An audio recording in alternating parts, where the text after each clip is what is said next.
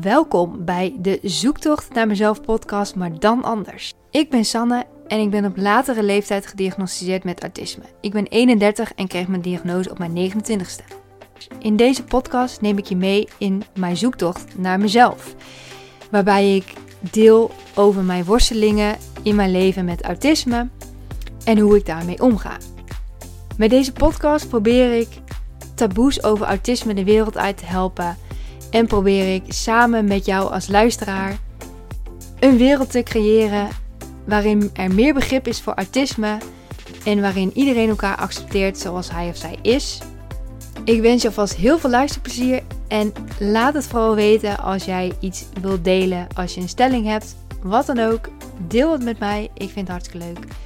Nu snel door naar de podcast. Hi, daar ben ik weer met een nieuwe podcast. Leuk dat je weer luistert of kijkt. Ik ga beginnen met hoe mijn weken zijn verlopen. Daarna wil ik de eerste luisteraarsvraag, dilemma, probleem gaan behandelen en alle adviezen die zijn gegeven. En tenslotte wil ik het autisme-dilemma bespreken. Of bespreken, gewoon de uitslag met jullie delen. Want ik zet dus voor elke podcast, uh, roep ik je op om een ja, een uitdaging in jouw leven op te sturen. Het mag ook iets echt heel simpels zijn of iets heel kleins, dat maakt niet uit. En dan vraag ik mijn Instagram-volgers of je mag het ook via YouTube. Onder de reacties in de video mag je ook vragen, uh, dilemma's delen. En op Instagram wil ik ook graag elke keer een autisme-dilemma met jullie delen en kijken wat jullie zouden kiezen. En nou, deze keer laat ik aan het einde van de podcast weten wat het, uh, wat het was. Oké, laten we beginnen met mijn week uh, bespreken. Omdat ik vind het wel een interessante om te delen. Omdat ik... Ik had gewoon geen motivatie meer voor het werk. Het, het viel me lastig. Want ik ben namelijk sinds 7 juni ben ik geswitcht van drie dagen bij Rots Maatwerk op kantoor werken en twee dagen bij Onbeperkte Denkers, Kidos, uh, waar ik nu dus heel veel voor thuiswerk. Of alleen maar thuiswerk, want het een netwerkorganisatie zonder kantoorlocatie. En 7 juni is dat omgewisseld van drie dagen bij Onbeperkte Denkers thuis, zeg maar. En de ene week twee dagen en de andere week één dag bij Rots op kantoor. Maar het valt me toch wel zwaar om niet op kantoor te werken eigenlijk. En dat klinkt misschien juist precies het tegenovergestelde van wat mensen met autisme juist fijn zouden vinden. Omdat het kantoor geeft natuurlijk ook heel veel prikkels. Dat is ook wel weer zo. En uh, de reistijd, ik moet een uur reizen, soms ietsje langer. Het is best wel een eindje. Dat kost ook wel energie. Maar toch merk ik dat uh, de collega's vind ik gewoon ook echt super leuk allemaal. Echt gewoon heel erg gezellig ook een beetje rond mijn leeftijd zijn. Eigenlijk de meeste zijn rond mijn leeftijd. Het zijn vooral mannen. Dat vind ik ook heel chill om samen mee te werken. En ik heb gewoon echt heel veel lol als ik op kantoor ben. En het heeft niet per se te maken met het werk wat ik daar doe. Want daar vind ik ook, ook zitten ook hele leuke dingen in. Ook minder leuke dingen is natuurlijk altijd zo. Uh, maar ik mag wel heel erg mijn eigen ding daar doen. En dingen ontdekken, nieuwe dingen uitproberen en ja, uitrollen in de organisatie. Of in ieder geval uitproberen. We, we, we werken met een ERP-systeem. Eh, een systeem, een boekhoudsysteem. En nou, daar zitten allemaal mogelijkheden in. En een aantal van die dingen heb ik dus uitgewerkt. Dat gaan we nu uitrollen onder meerdere collega's. Hoe je op een bepaalde manier spullen moet bestellen. Nou, veel te inhoudelijk allemaal. Maar dat is dus dat vind ik heel leuk om te doen. Maar die collega's en het plezier dat ik heb op kantoor, daar ben ik dus achter dat het echt zo belangrijk is. En um, ja, ik merk dat ik dat heel erg mis nu ik dus meer dagen thuis werk. En dan kan ik natuurlijk op een andere locatie werken. Dat, dat kan, maar dat is toch niet hetzelfde als echt met je collega's werken. Dus ik moet daar nog een manier in vinden van ja, hoe wil ik dit indelen? En ik kwam er ook achter dat ik ben iemand die echt voor ja, 100% het maximale me wil inzetten.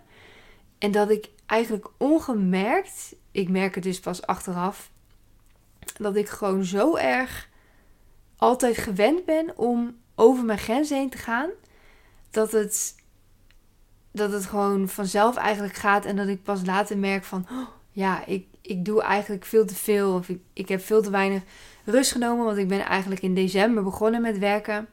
En sinds, ja, tot 7 juni eigenlijk heb ik ja, niet echt vrijgenomen. Af en toe een dagje, maar dan had ik altijd wel iets wat ik dan moest doen waarom ik vrij nam. Dus het was niet van, oh, ik neem even een dagje vrij om gewoon een dagje vrij te hebben, om te relaxen.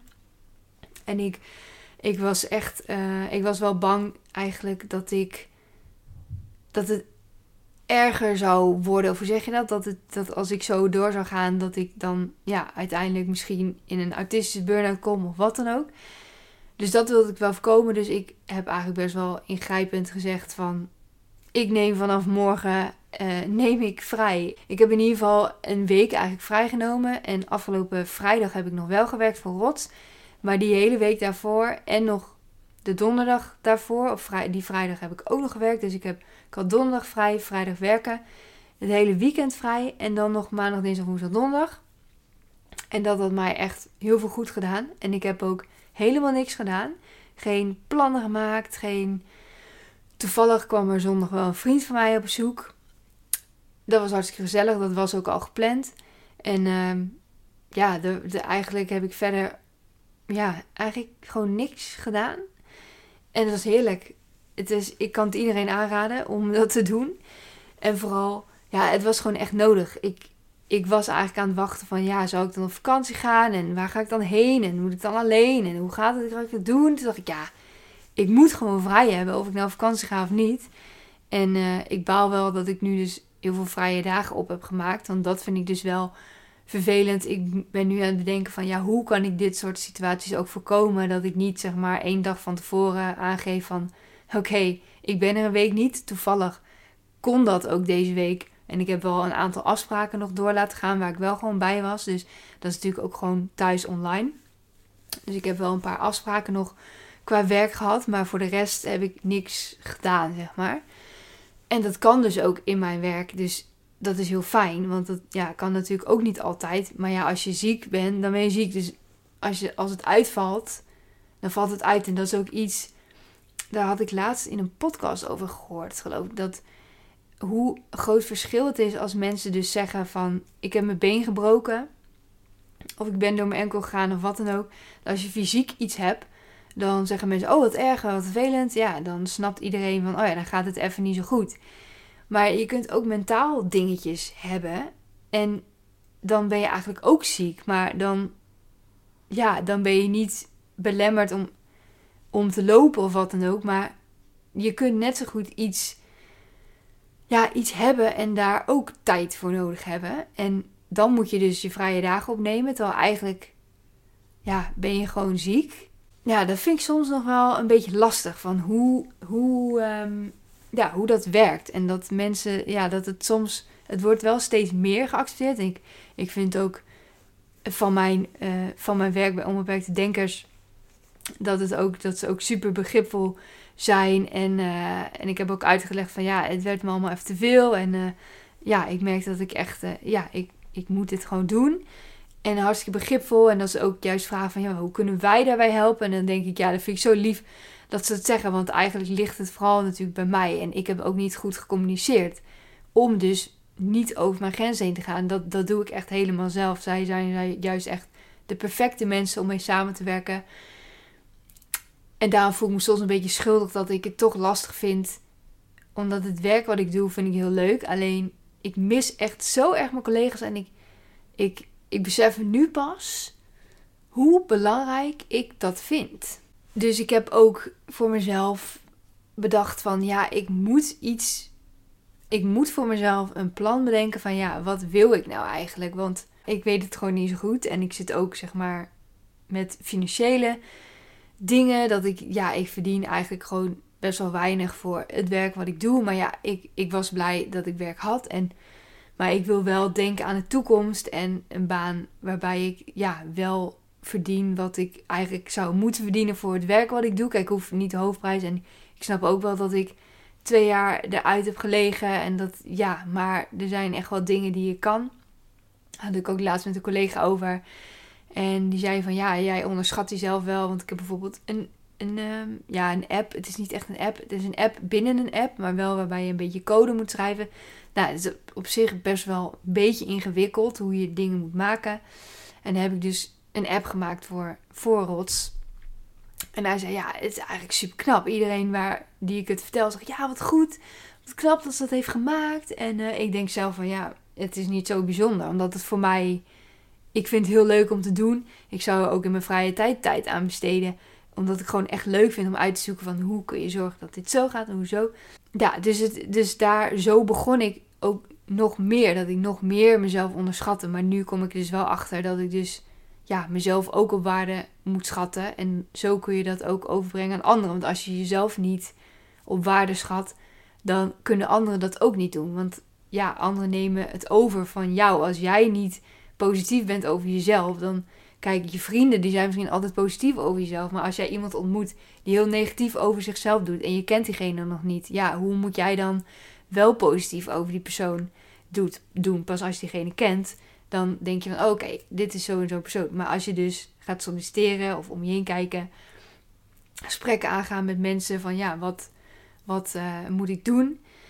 Ja, dan moet je wel een beetje weten wat je waard bent en dat ook over kunnen brengen. Dus daar ben ik nu heel erg mee bezig om dat voor mezelf duidelijk te krijgen van ook één wat ik wil, maar ook dus hoe ik mezelf, ja, hoe ik mezelf kan waarderen en dat is over kan brengen aan anderen. Want ik heb voor mezelf, ik heb tot einde van het jaar heb ik zekerheid qua werk. En daarna weet ik dus niet zo goed wat ik nou precies wil. En ook niet, het is ook niet duidelijk bij beide banen van wat de toekomstmogelijkheden daar zijn. Dus het kan zomaar zijn dat er geen toekomst in zit. Dus het kan ook zijn dat ik 1 januari weer geen werk heb. Daar ga ik natuurlijk wel iets aan doen om te zorgen dat dat niet gebeurt. Dus dat, dat houdt mij nu een beetje bezig eigenlijk. Maar de, de vrije tijd heeft mij wel echt goed gedaan. En ik zit aan te denken om misschien zelfs wel uh, elk kwartaal of zo, een, zeg maar drie dagen voor het weekend of, of één dag na het weekend, dus de maandag en de vrijdag of zo vrij te doen. Dan heb ik ja, best wel een tijdje achter elkaar vrij. En dan hoef ik niet heel veel vrije dagen voor te gebruiken. Maar dat ik wel elk kwartaal weet van oké, ik ga een kwartaal knallen en dan daarna heb ik weer even een rustperiode ik denk dat dat wel uh, heel goed voor mij zou zijn. Dus ja, daar denk ik, uh, daar, daar neig ik naartoe om dat te doen. Maar ja, daar moet ik nog even langer over nadenken. Maar goed, dat was dus ja, mijn verhaal. Dan gaan we nu de luisteraarsvraag behandelen. En ik lees eerst even de luisteraarsvraag voor. Ik heb alles hier op mijn, uh, op mijn iPadje ge, gezet zodat ik alles bij elkaar heb. De luisteraarsvraag. Oké, komt-ie. Hallo Sanne, ik heb wel een probleem wat je mag bespreken. Ik ben een vrouw van 45 met vaste baan en relatie. Mijn vriend en ik zijn zes jaar samen en ik weet sinds maart dit jaar dat ik autistisch ben. Mijn vriend vermoedde dat al langer en hij is beslist niet autistisch. Nu botst het nogal vaak tussen ons omdat ik dus echt heel anders denk en reageer. Ik neem anders letterlijk bijvoorbeeld en voel veel niet aan. Nu zoeken we een balans, want ik kan niet goed invoelen en aanpassen aan hoe hij denkt en andersom. Voor 100% volgens mijn wereld reageren lukt hem ook niet. Hij wil ook wel eens een lolletje maken en ik ga er dan veel te hard op in, omdat ik denk dat hij het meent. Uiteraard doen we beide vaak wel wat voor de ander. Ik geef hem de gewenste knuffel en hij belt als hij later of eerder thuis komt. Maar hoe kan je iets meer op elkaars niveau communiceren en toch jezelf blijven? Nou ja, dat waren dus de de, of dat was dus de luisteraarsvraag. En ik vind het een hele goeie. En dan moet ik nog één ding over mezelf vertellen. Want ik was dus aan het daten. En dat was heel leuk. Maar we hebben toch vlak voordat ik die uh, vrije had genomen. Dat had ik al genomen. Vlak daarna. Toen uh, hebben we gezegd van ja, we gaan toch niet verder met elkaar. Want het past toch niet goed genoeg. En nou ja, ik denk dat het een goede beslissing is. Ik vind het altijd wel echt, ja, ik was wel echt wel even kapot ervan. Dat is eigenlijk elke keer als je ja, een tijdje aan het daten bent en het, het wordt dan toch niks. Dus ik, dus ik kan niet uitpraten uit iemand die een relatie heeft. Mijn advies in ieder geval. Alleen het advies van de, van de luisteraars eh, natuurlijk wel. Maar ja, ik vind het wel jammer dat ik niet advies kan geven als niet vrijgezel. Maar ja, dat, uh, nou dat komt hopelijk nog wel een keer. daar ga ik wel vanuit dat het, dat het goed gaat komen met mij. Oké, dan hebben we nu de antwoorden op de vraagsticker. Daar kun je maar heel kort op antwoorden. Dus die antwoorden zijn: klinkt misschien gek, maar kijk of je samen in relatietherapie kan gaan. Echt, dit helpt. En ik denk dat dat eigenlijk niet eens een heel gek idee is. Omdat, nou ja, niet eens voor dat je per se uh, mensen met autisme uh, geschikt zou zijn. Maar ik denk dat voor bepaalde. Ik denk dat bij heel veel relaties relatietherapie heel goed kan werken. Ook voor kleine dingen. Ja, ik, ja, ik ben gewoon. Ik ben wel een voorstander ook van open gesprekken. En soms werkt dat dus ook beter als je dus een professional erbij hebt die ook ja, niet jullie kent en erboven kan staan en dingen dus kan zien die er spelen tussen jullie. Ja, ik vind dat, uh, ik vind dat ook een topadvies. Uh, dus als je het kan betalen, want ik weet niet hoe het zit met zorgverzekering en uh, nou, dat soort dingen. Dat weet ik natuurlijk niet. Maar als je het kan betalen, dan raad ik dat ook aan. Dat, dat denk ik wel. En ik wil trouwens ook zeggen, het verhaal, ik vind het wel knap dat ze wel beide dus ook veel voor de ander doen. En dat is denk ik misschien ook wel de reden dat het dus al zes jaar goed gaat. Dat, het, ja, dat je toch dingen voor elkaar over moet hebben. En dat je inderdaad 100% volgens mijn wereld reageren lukt hem niet. En andersom denk ik ook niet. Maar ja, ik denk ook niet dat je dat kunt verwachten van elkaar. Dat je, ja, en sowieso mannen en vrouwen zijn sowieso heel anders. Dus dat, dat is ook iets wat, um, wat sowieso in een relatie denk ik al kan botsen.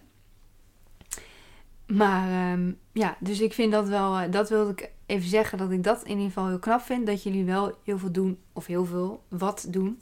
Er staat vaak wel wat voor de ander, dus vaak. Dus dat vind ik knap.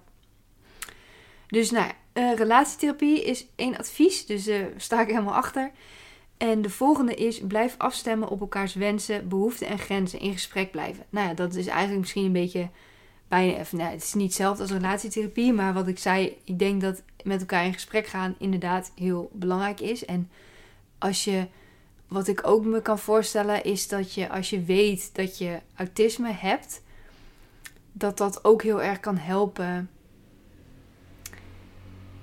Dat je dus weet waar dingen vandaan komen. Dat is ook een ander advies verderop die, waar dat ook een beetje naar voren komt. En het blijft natuurlijk ook een proces in een relatie. Ben je denk ik nooit klaar met je afstemmen. Er gebeurt natuurlijk altijd weer iets heftigs in jullie levens. En dan, ja, daar moet weer mee gedeeld worden. En de een gaat zo mee en dan zo. En nou ja, zo is altijd wel wat wat ook voor botsing kan zorgen. Het zal, ja, het zal altijd een soort balans blijven, denk ik. Dus nou, ook een mooie advies. Dan hebben we nu een drie adviezen die iets uitgebreider zijn, gestuurd via de DM. Dus antwoord 1 via DM is: Wat mij en mijn vriend helpt. Puntje, puntje. Er samen om lachen en een, een grapje van maken. Zelfspot kan heel helpend zijn. Nou, dat denk ik ook. Dat je soms ook niet alles al te serieus kan nemen. Dus ik denk dat dat inderdaad, uh, dat dat, nou ja, wat er staat, zelfspot kan heel helpend zijn ervan bewust zijn dat je elkaar echt alles gunt. Bijvoorbeeld, mijn vriend gaat soms onverwacht eten met collega's, vrienden na het werk. Hij geeft mij dan de keuze om wel of niet mee te gaan en hij geeft mij schakeltijd. Door bijvoorbeeld te zeggen: Denk er maar even over na en dan bel je me terug over vijf minuten. Meestal ga ik niet mee, maar ik gun hem dat hij dit wel doet. En voor deze situaties heb ik altijd een maaltijd in de vriezer liggen. Dat vind ik ook een goeie. Dat inderdaad, dat zeg ik ook over, die, uh, over, de, over het probleem. Dat het mooi is dat je wel dingen voor elkaar doet. En het is dus heel fijn dat deze uh, luisteraar die het antwoord geeft, dat zij haar vriend wel echt ook gunt dat hij dus onverwacht gaat eten met vrienden. En ja, en dat hij zeg maar het haar gunt om niet mee te gaan. Dat er niet van haar verwacht wordt dat ze dus altijd meegaat. En dat is bijvoorbeeld wat ik dus wel in mijn eerdere relaties heb ervaren. Een van die relaties dat er wel van mij een beetje, in ieder geval, ik voelde dat zo dat er wel verwacht werd dat ik ook maar mee zou gaan. Terwijl ik daar eigenlijk heel vaak gewoon geen zin in had. Ook niet eens onverwachte dingen, maar ook geplande dingen. Dat ik daar gewoon geen zin in heb. En dan, kijk, sommige dingen, ja, je moet af en toe je gezicht laten zien, oké. maar ehm, ja, soms wil je gewoon dingen niet doen. En dan is het niet leuk als mensen toch jou dwingen om iets te doen wat je eigenlijk niet wil. En ja, dat, dat ehm, nou ja, dus ik vind het wel fijn dat zij elkaar dat dus inderdaad gunnen. Dus dat is een advies. En waardeer elkaars sterke punten en maak daar gebruik van. Zo doet mijn vriend bijvoorbeeld het koken en het snelle opruimen en doe ik de online boodschappen, het uitzoekwerk als we iets nieuws nodig hebben en de voorraadkasten. Dat vind ik ook een hele mooie inderdaad. Dat er zijn natuurlijk ook bepaalde verwachtingen van een vrouw en een man ook. Van wat moet je doen en ja, verwachtingen van hoe het moet ingedeeld worden. Of je nou twee vrouwen bij elkaar hebt, twee mannen of eigenlijk man en vrouw. Ja, man en vrouw is dan wel, dan heb je misschien wel meer die traditionelere verdeling die dan verwacht wordt. Van de vrouw doet dit en de man doet dat. Terwijl je moet natuurlijk echt kijken naar de persoon die jullie zijn. Personen die jullie zijn. En daarop afstemmen van jij doet dit en ik doe dat. En als je daar inderdaad goede afspraken over maakt, dan is dat natuurlijk heel fijn. Dus dat vind ik ook een heel mooi advies. En dat, nou, eigenlijk gaat het nog steeds er wel om van praat ook met elkaar. wat, je, wat, je, ja, wat, je, wat je ook verwacht van elkaar, denk ik. En het laatste advies van deze luisteraar is: vraag na of jouw interpretatie klopt. Zo vraag ik vaak of hij boos is, omdat het inschatten van zijn emoties soms lastig vindt en ik er snel die stempel op druk. En hij kan me dan geruststellen dat hij gewoon moe is. Kijk, dat zijn dus inderdaad ook goede dingen. Want, um, nou ja, ja. Dus dat is wel fijn dat je elkaar ook, als je wel weet dat je dan ook echt eerlijk tegen elkaar bent. Want ik heb vaak eigenlijk ook het idee dat mensen wel boos zijn, maar dat ze het niet zeggen dat het zo is. Dat, en dat doen vrouwen volgens mij heel vaak van nee, ik ben niet boos, maar ondertussen kook je van woede van binnen. Maar dat heb ik dus wel heel vaak, dat ik voel aan mijn intuïtie van er is iets niet goed. En soms weet ik dus inderdaad ook niet wat het is. En dan kun je natuurlijk wel heel goed vragen van ja, is er iets aan de hand? Want ik voel iets. En als diegene dan inderdaad wel eerlijk tegen je kan zijn, dan is dat heel fijn dat je dat dus gewoon kan vragen. En dan neemt ook heel veel onzekerheid weg. En ook inderdaad neemt ook verkeerde interpretaties weg. Want als jij denkt, iemand is boos of ja, er is iets aan de hand. En dan krijg je de uitleg van wat er aan de hand is. En misschien valt het ook best wel mee. Want ik denk dan altijd, het ligt allemaal aan mij. Maar het kan ook dat iemand verdrietig is omdat er iets, ja, iets wat heel erg buiten mij ligt. En dan weet je dat ook. Dus inderdaad, een goed advies. Het tweede, tweede luisteraar die advies heeft gegeven via DM is... Wij hebben allebei ooit voor de grap de Myers-Briggs test gedaan. 16, 16 personalities en BTI. En dat is dus inderdaad een, een test, ja, persoonlijkheidstest. Dus dan, dat is wel, dat kun je dus doen, allebei. Kun je online gewoon kijken. En we herkenden ook er, ons erg in de uitkomst. Dat heeft ons ook enorm geholpen om elkaar beter te snappen. We ontdekten dat onze karakters op sommige punten tegenovergestelde behoeftes hebben. Dat herkennen we nu beter als we botsen. Ik heb bijvoorbeeld behoefte aan uitgebreide en gedetailleerde discussies, mijn man juist aan concrete dingen en snelle oplossingen. Maar omdat we dat nu van elkaar snappen en begrijpen dat het geen onwil van de ander is, hebben we minder ruzie. Dat vind ik ook echt een mooie. Dat zei ik net ook al een beetje. Als je weet dat je. Ik weet eigenlijk niet of ik dat net zei. Maar als je weet dat je autisme hebt. Dan weet je dus ook van waarom ik bepaalde dingen op een bepaalde manier reageer. Maar dan kun je dus ook beter uitleggen aan de ander. Van ja, ik reageer zo en zo omdat dit en dat. En dan kun je inderdaad. Dan kan de ander daar meer begrip voor hebben. En dan weet je dat het inderdaad geen onwil is dat je bepaalde dingen doet. En andersom ook, hè, van neurotypische mensen kun je dat ook, die ja, kunnen ook uitleggen van ja, als er dit gebeurt, dan irriteer ik me daaraan. Of nou ja, weet ik veel. Iedereen is anders. Dus als jij, ja, als jij niet uitlegt wat je dwars zit, dan ehm, ja, kun je daar ook niks mee. En wat ik ook een heel mooie quote vond trouwens. Hoe kun je verwachten dat mensen jouw grenzen respecteren als jij die grenzen niet aan hebt gegeven?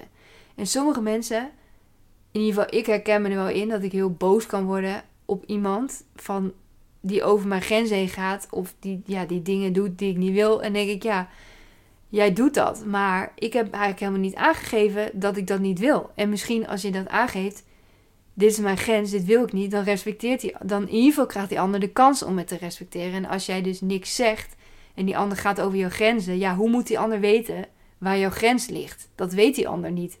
Tenzij hij het aangeeft van, kijk, hier is mijn grens, zie je dat, stippellijn? Daar is die. Dat kun je alleen maar zien. Die ander kan dat alleen maar zien als jij het zegt. Want ja, onze grenzen zijn onzichtbaar. En soms is het heel duidelijk. Dan, nou ja, nee, het is eigenlijk nooit duidelijk. Want het bestaat niet. Het bestaat alleen in je hoofd. Dus hoe moet de ander weten wat in je hoofd afspeelt? Dus dat heeft, uh, ja, dat wilde ik ook nog. Daar kwam ik uh, op toen ik dit las. Ook een belangrijke dus, je grenzen aangeven. En dus die perso persoonlijkheidstest, dat je inderdaad voor elkaar meer, uh, meer begrip kan vinden. En ze zegt inderdaad, die test staat los van autisme, maar ik ben er mijn autistische karaktertrekken ook beter door gaan snappen. Helemaal omdat er op Pinterest en Instagram genoeg herkenbare memes en uitleg over alle types te vinden is. Ja, dat is zeker waar. En uh, inderdaad, als je geen autisme hebt, is het ook aan te raden om zo'n test te doen. Want dan kun je elkaar ook beter snappen. Net zoals relatietherapie niet alleen is voor mensen die, uh, waarvan de een neurodivers is, maar ook gewoon twee neurotypische mensen, kan ik ook aanraden om op relatietherapie te gaan. En ja, misschien niet gelijk als je. ik zie het al voor als ik ga daten. Ja, ik kan wel alleen maar met je daten.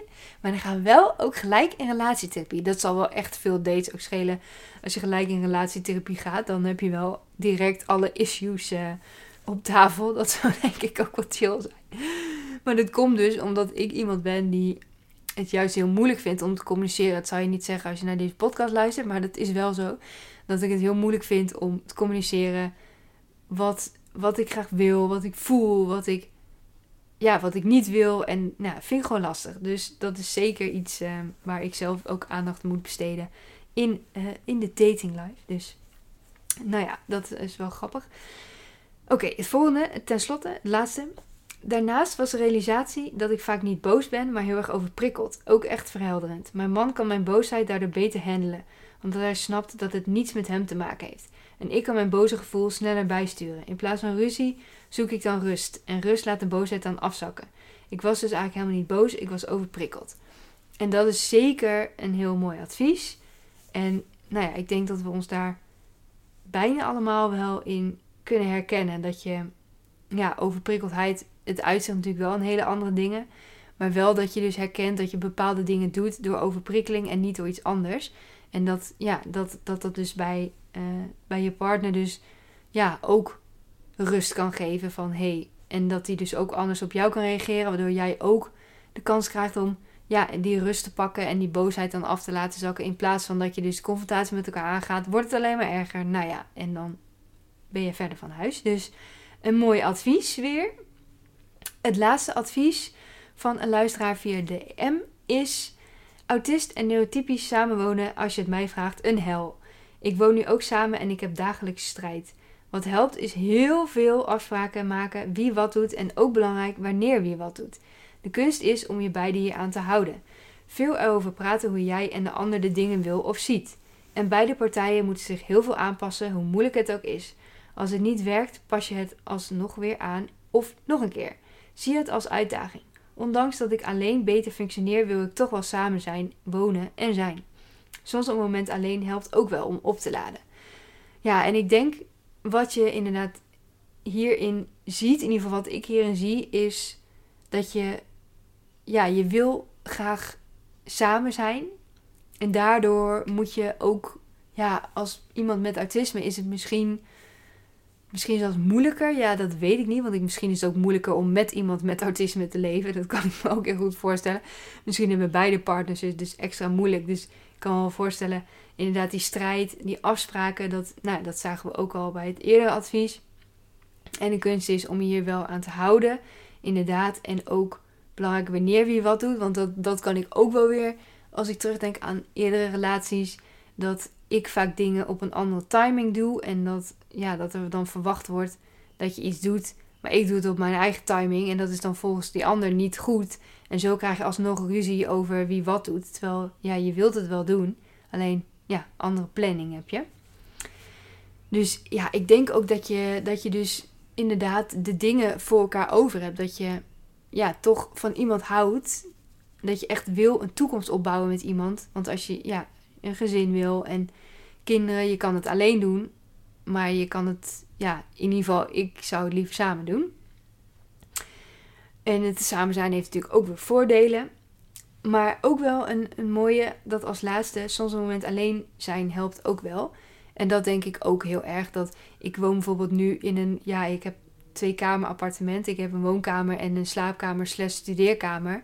Als ik hier samen zou wonen, dan dat vind ik dus heel lastig om voor te stellen, überhaupt. Omdat ik gewoon, er is hier geen ruimte om je echt af te zonderen. Want ja, je moet altijd wel, ja, nee, er is eigenlijk gewoon geen ruimte voor. Dus dat vind ik echt heel moeilijk om, om hier dan met iemand eventueel samen te wonen. Dus nou, is ook nog nooit ter sprake gekomen of wat dan ook. Maar dan, ja, ik, daar heb ik toen ook in mijn eh, traject bij de psycholoog, dat ik echt daar wel heel erg behoefte aan heb.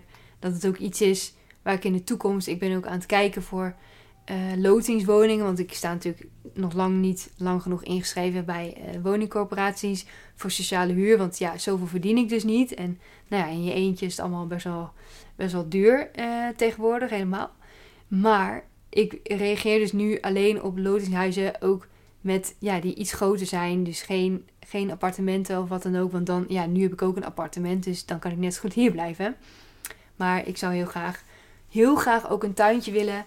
Maar goed, dat is best wel veel gevraagd in deze tijd. Maar ik blijf hoop houden dat ik een keer word ingelood. Dus ik hoop dat dat, uh, dat, dat gaat gebeuren. Maar goed, alleen zijn. Je kan natuurlijk ook alleen zijn. Je kan natuurlijk ook afspraken maken dat je alleen bent en toch samen bijvoorbeeld dat je noise cancelling koptelefoon opzet, dat je toch je eigen ding doet.